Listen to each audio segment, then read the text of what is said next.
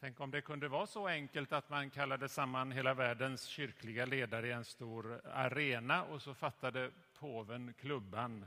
Och så sa han att eh, citat, det har kommit till vår kännedom att Jesus, vår frälsare, under det sista dygnet han levde här på jorden bad till sin himmelske far om att vi alla skulle vara ett.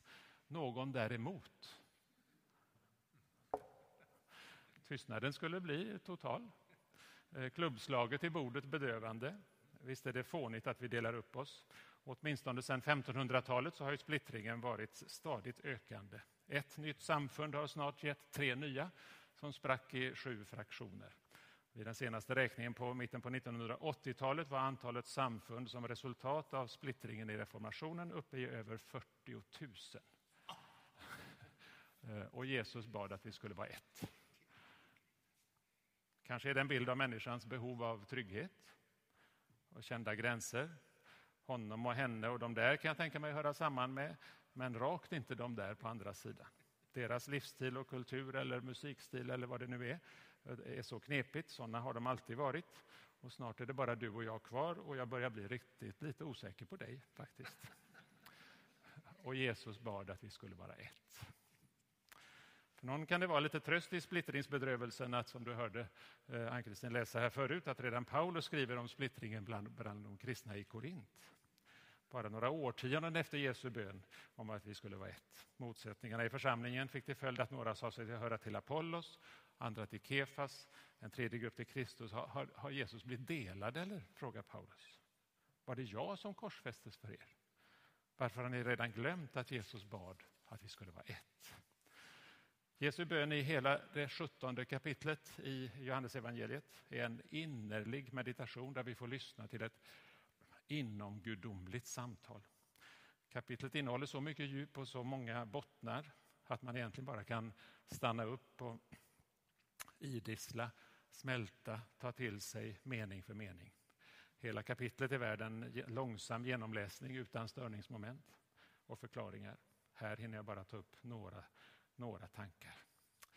Jag ber, sa Jesus, att de alla skall bli ett och att liksom du, Fader, är i mig och jag i dig, också de ska vara i oss.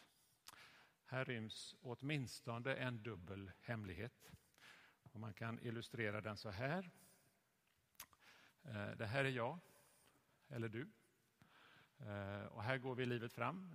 Hon kan vara 15 år den här dockan, eller 42, eller 63 eller 92. Eh, oavsett ålder så möter vi, någon gång i livet de flesta av oss, möter vi Jesus. Och han kommer och går vid vår sida. Den första gången vi möttes var i dopet. Sen kanske det blir läge i konfirmationen. Och han finns där hela tiden vid sidan om. Det kan vara en psalmvers eller en nattvardsgång eller ett samtal, en bön, någonting som gör att han känns lite närmare. Men sen känns han lite avlägsen ibland. Eh, det som händer eh, eh, här är att Jesus inte bara vill vara den där som kommer ibland på håll och sen kommer ibland lite närmare. Jesus vill inte bara vara en sparringpartner, inte bara en tröstnapp, inte bara ett litet gott humör ibland och så. Utan han vill, och det var det Johannes försökte säga, han vill, nu händer det, han vill flytta in på insidan av oss. Och det har redan hänt på ett sätt när du döptes. Och tittar du dig runt i bänken så, så finns här människor runt omkring som, som har, precis som du, Jesus på insidan. Eh, när han flyttar in där så blir han herre och Det är ganska viktigt tror jag, att han blir herre över livets alla minnen. Varje dag i historien tar han hand om. Nogsamt tvättar han bort synden om jag ber honom om det, så att det inte finns något spår av allt elände som har passerat. Och Han tar inte bara hand om historien, utan han tar också hand om min framtid. Oron över hur det ska gå med barn och barnbarn. Han tar hand om min dag och han bor här inne. Och ju längre jag lär känna honom, desto större områden av livet tar han hand om. Det syns inte på utsidan. Jag ser fortfarande likadan ut. Men djupare och allt mer helgjutet blir det med åren allt mindre viktigt med mitt eget självförverkligande, mina egna stora planer. allt mer viktigt med hans tankar, hans planer som oftare handlar om de andra än om mig. Och tittar man sig runt då, så kan man hitta andra människor som har Jesus på insidan som jag sa. Han lever överallt bland pingstvänner och missionare runt hela Mölndal. Till och med människor i människor som rent av kanske rätt sällan kommer till gudstjänsten. Och det där hör vi om lite då och då i Bibeln och förra söndagen och söndagen dessförinnan också.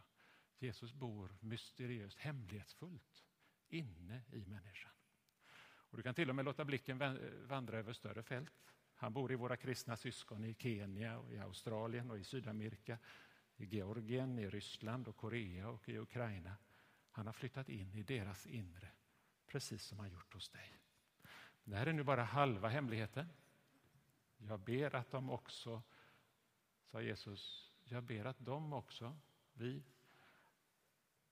ska vara i oss, i Gud. Det som händer när han flyttar in här är alltså att han börjar tvätta bort det som var dåligt och så. Eh, det blir en kamp mellan mitt ego och, honom. Eh, egot vill gärna välja splittring och fraktioner och motsättningar och så. Men här går vi fram, här splittrar vi upp oss. 40 000 efter reformationen och allt det där. Här pratar vi illa om de andra, trots att Jesus bor inne i oss. Nu kommer del två av hemligheten. Nu händer det igen. Nu kommer Jesus och är inte bara inne i oss utan nu vill han att vi ska flytta in och bli dolda av honom. Flytta in i Gud. Jag ber att de ska vara i oss. Och nu döljer han alla de där misstagen vi hade, alla splittringen och det. Eh, och här nu när man är in, vad ska jag säga, ingömd i Gud, då kan man ju sjunga till exempel du omsluter mig på alla sidor och du håller mig i din hand. Du omsluter mig på alla sidor och du håller mig i din hand. Nu är ditt liv fördolt med Kristus i Gud. Och med, ens blev det inte alls viktigt vem som hörde till den follan eller den follan, vem som var riktigt äkta lutheran eller vem som inte hörde hit och så. För kollektivt, tillsammans, är vi inneslutna i Kristus. Inte bara individuellt, som det första steget var. Inte bara min Jesus och jag tänker att och jag känner att och för min del och allt det där. Utan vi, många tillsammans. Också dem dog Jesus för. Också de som jag har så svårt för och som jag kanske inte alls passar ihop med. Också där bor Jesus. Så det handlar, i första steget kan det verka bara att välja individuellt och ta emot individuellt Jesus i sitt hjärta. Men när du gör det så bjuder han in dig till att bli omsluten, innesluten av honom.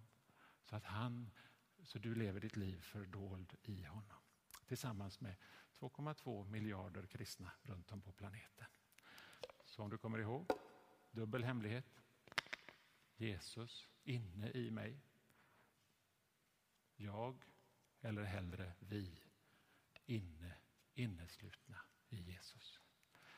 Låt det vara tyst en kort stund så grunnar du på vad det kan betyda för veckan som kommer fram, framför dig.